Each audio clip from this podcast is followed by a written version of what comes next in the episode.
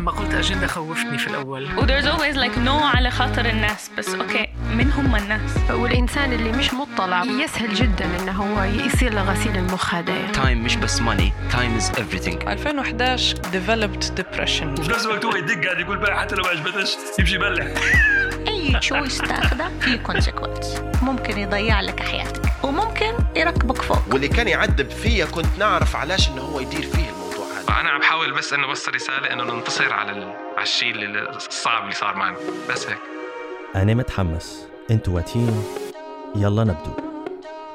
مرحبا بيك في دميري بودكاست. أنا طارق الميري صاحب البودكاست. هذه الحلقة بالعربي وهي مقتطف قصير من سلسلة الزبدة.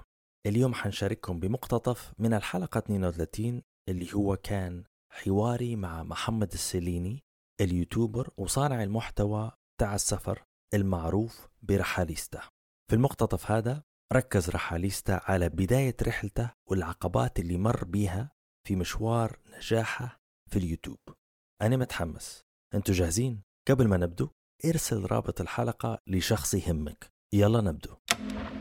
آه، فجأة في ليبيا قعدت نقدم عليه وظائف يعني بعدد كبير. كنت كل يوم نقدم ثلاث أربع وظائف أقل شيء كنت نقدم وظيفتين. كل يوم. على مدى سنتين. ما كانش في استجابة وال interviews اللي كنت آه، يعني ندير فيهن سواء في ليبيا ولا برا ليبيا برا ليبيا ما كانش عندي حظ لأن الأولوية دائما لابن البلاد وأنا خريج جديد. مع أن ال CV بتاعي كويس وعندي تدريب وعندي لغة وعندي كل شيء بس دائما الأولوية برا ليبيا لابن البلاد أو اللي عنده إقامة. في ليبيا الفرص شوية والشركات أصلا عندها اكتفاء بالموظفين واخذه موظفين فوق طاقتها في القطاع العام. فبديت نشتغل في القطاع الخاص برا تخصصي. اشتغلت business development تطوير أعمال اللي هو واشتغلت تسويق و... وعمل مكتبي كان أكثر شيء يعني. في نفس الوقت كنت نقدم على وظائف بس الإحباط اللي صار لي انه يعني كان عندي رغبة كبيرة وفجأة صدمت بالواقع واللي هو ما فيش فرص واللي هو تبي آه، يعني اللي تخرجوا معايا كلهم اشتغلوا وفي منهم حتى اللي تزوجوا وفي منهم اللي انتقل وظيفة واثنين ثلاثة وأنا ما صار ما صارش معي الشيء هذا. فالوقت اللي كنت كاسبه أنا في الدراسة راح كله. وقتها كان عندي اكتئاب واللي ما كنتش نخالط في ناس ما كنتش آه، ندير في أصدقاء جدد كان وقتي كله شنو؟ شغل من الساعة نطلع من الحوش الساعة 8 نروح الحوش الساعة 5 أو الساعة 6 باقي الوقت في الحوش كنت نتفرج على اليوتيوب على فيديوهات سفر. هذا اللي كان مصبرني. وقتي كله كان يمشي في فيديوهات السفر هي كانت المسكن متاعي. كنت نتفرج على صناع محتوى سفر من حول العالم. اللي هم يشاركوا في رحلاتهم كنت نشوف في بلدان مختلفة.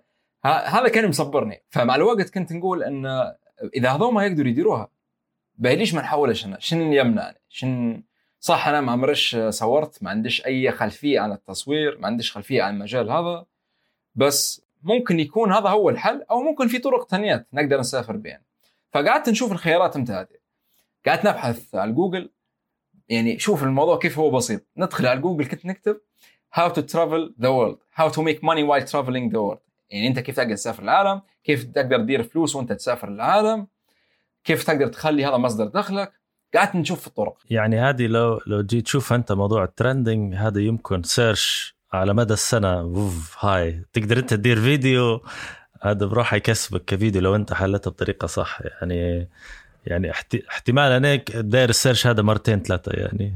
وأنت وأنت أكثر مني يعني. لما بحثت يعني عشان يوريك إن ال search هذا ناس واجد تدير فيه يعني كمية المصادر الأونلاين واجد بكل. آه، تلقى blogs مقالات مكتوبات تلقى فيديوهات على اليوتيوب يشرح لك.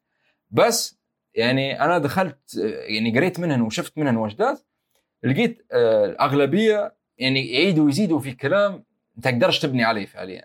يعني بول تمام؟ ما لقيتش ال- الإجابة اللي تدور فيها أنت. بس جزء منها فعلا يعني يشرح لك يقول لك هو كيف بدا كيف دار ويقول لك إيش الخيارات اللي عندك. فكنت نشوف الخيارات شفت انه مثلا نقدر مثلا نتعلم نكون designer.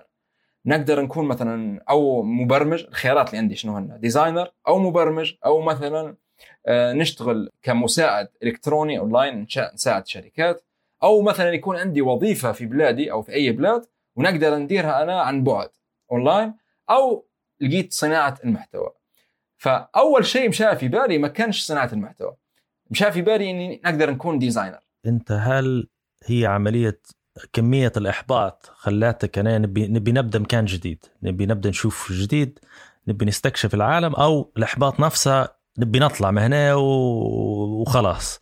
يعني شن شن هي البنزينة اللي خلاتك تدير search وتبحث وتاخذ الخطوات يعني؟ هن كان من ثلاث حاجات اللي انت قلت انت. هو اولا كان ال- ال- الضغوطات صعبات.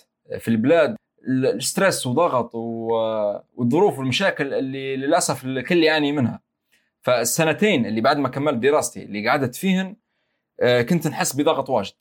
كنت نقدر نتحمله لو كانت عندي وظيفة في ال- المسار المهني اللي أنا نبيه بس ما كانش عندي الشيء هذا. ف يعني ما كنتش نقدر نتحمل الضغط هذا وفوقه آه، الوظيفة اللي أنا قاعد نشتغل فيها. بعيدة كل البعد عن تخصصي. نشتغل مع شركة كانت شركة تدريبية آه، في قطاع في قطاع الكهرباء. بعيدة كل البعد عن تخصصي. ومش غلط إن واحد يشتغل حاجة بعيد عن تخصصه بس أنا عارف إن هذه مش حتشيلني آه، في تخصصي. يعني هو عبارة عن مبلغ ناخذ فيه بس مش حنقدم في الطريقة اللي أنا نبيها فوقتها لما كان عندي برضو الاكتئاب في هذاك الوقت أنا كنت شايف حاجتين. شايف إني اولا أنا الشيء اللي أنا حابب نديره كشغل مانيش قاعد ندير فيه وعندي ضغط.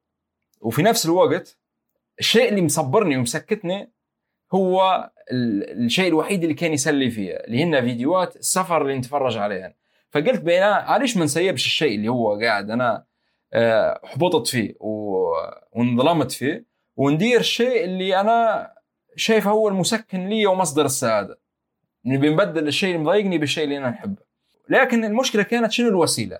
إذا أنا بنسافر لفترة بسيطة من الراتب اللي أنا اوريدي درتها حتسدني فترة بسيطة وحنرجع لنفس الدوامة.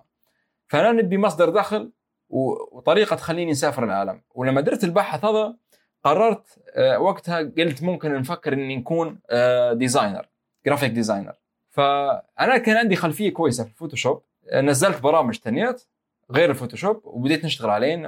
Illustrator مثلا. وبديت نتعلم نحضر في فيديوهات تعليميات. بديت نراسل في شركات.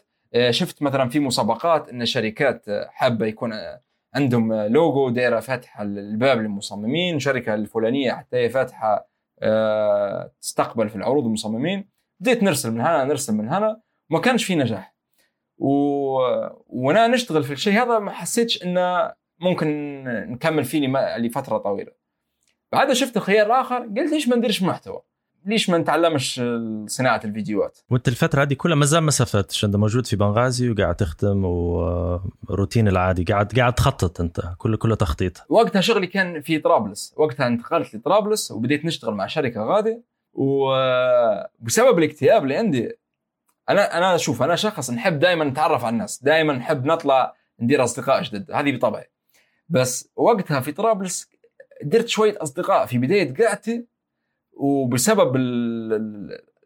إني أنا كنت مصاب بالإحباط ما كنتش نطلع ابدا ما كنتش نطلع نتعرف على أي ناس. مع ان كانت عندي الرغبه لكن كنت محبط من الحياة وقتي كله على اليوتيوب نتفرج على فيديوهات سفر. فبديت قلت ليش ما نديرش ال- ليش ما نديرش كيف الناس هذوما اللي هم قاعدين يسافروا بالفيديوهات؟ أه، بديت نحضر فيديوهات تعليميات شنو الأشياء اللي نحتاجها. وفعلا أه، وصيت على كاميرا من برا. كانت يعني كاميرا مخصصة لل مناسبة لصناع المحتوى السفر اللي هم في بدايتهم. نتذكر حتى اسم الكاميرا كانت Canon G7 X Mark 2 نتذكرها هذه كانت أول كاميرا لي. كاميرا صغيرة جدا آه، ما تتطلبش إنه يكون عندك آه، خبرة في التصوير تحطها على النظام الأوتوماتيك وتبدأ تصور بدون ما يكون عندك أي خلفية على الإعدادات على التقنيات. يعني بسيطة جدا. وفعلا بديت بحاجة بسيطة وحكيت قصتي في أول فيديو. بدايتي كانت حبيت نشارك قصتي مع الناس. حبيت إن الناس تتفهمني إن الناس تتقبلني لأن كان عندي تخوف. ما فيش واحد ثاني قاعد يدير في الشيء هذا في ليبيا. أهلين في تحدي لينا أنا وأنت وانتي ويعتبر هدف لسنة 2021 التحدي نبو نوصلوا الدميري لمليون استماع. إيه مليون استماع. حاليا إحنا فتنا 300 ألف. الغرض من الهدف هو توسيع عائلة دميري من المستمعين اللي انتي وانت تحس انهم حيستفيدوا وحينسجموا بنفس طريقة انسجامك بدميري. المليون مش رقم كبير وحاس إن حنوصلوا له في هالسنة. قول لي كيف. الطريقة هي إنك تشرح فكرة دميري والفائدة منه وطريقة تشغيله على تطبيقات البودكاست وتشارك حلقاتك المفضلة اللي مواضيعها تناسب شخصين إلى خمس أشخاص أنت تحب تفيدهم. وأنا حنشارككم رحلة التحدي في حساب دميري على الإنستغرام دميري أوفيشل الرابط في وصف الحلقة. شاكر جدا جدا جدا لجهدك ولوقتك. تحياتي. هذا هو. كنت معكم طارق الميري. تقدر تسمع التدريسة الكاملة مع رحاليستا في الحلقة 32 نتلاقوا الأسبوع الجاي.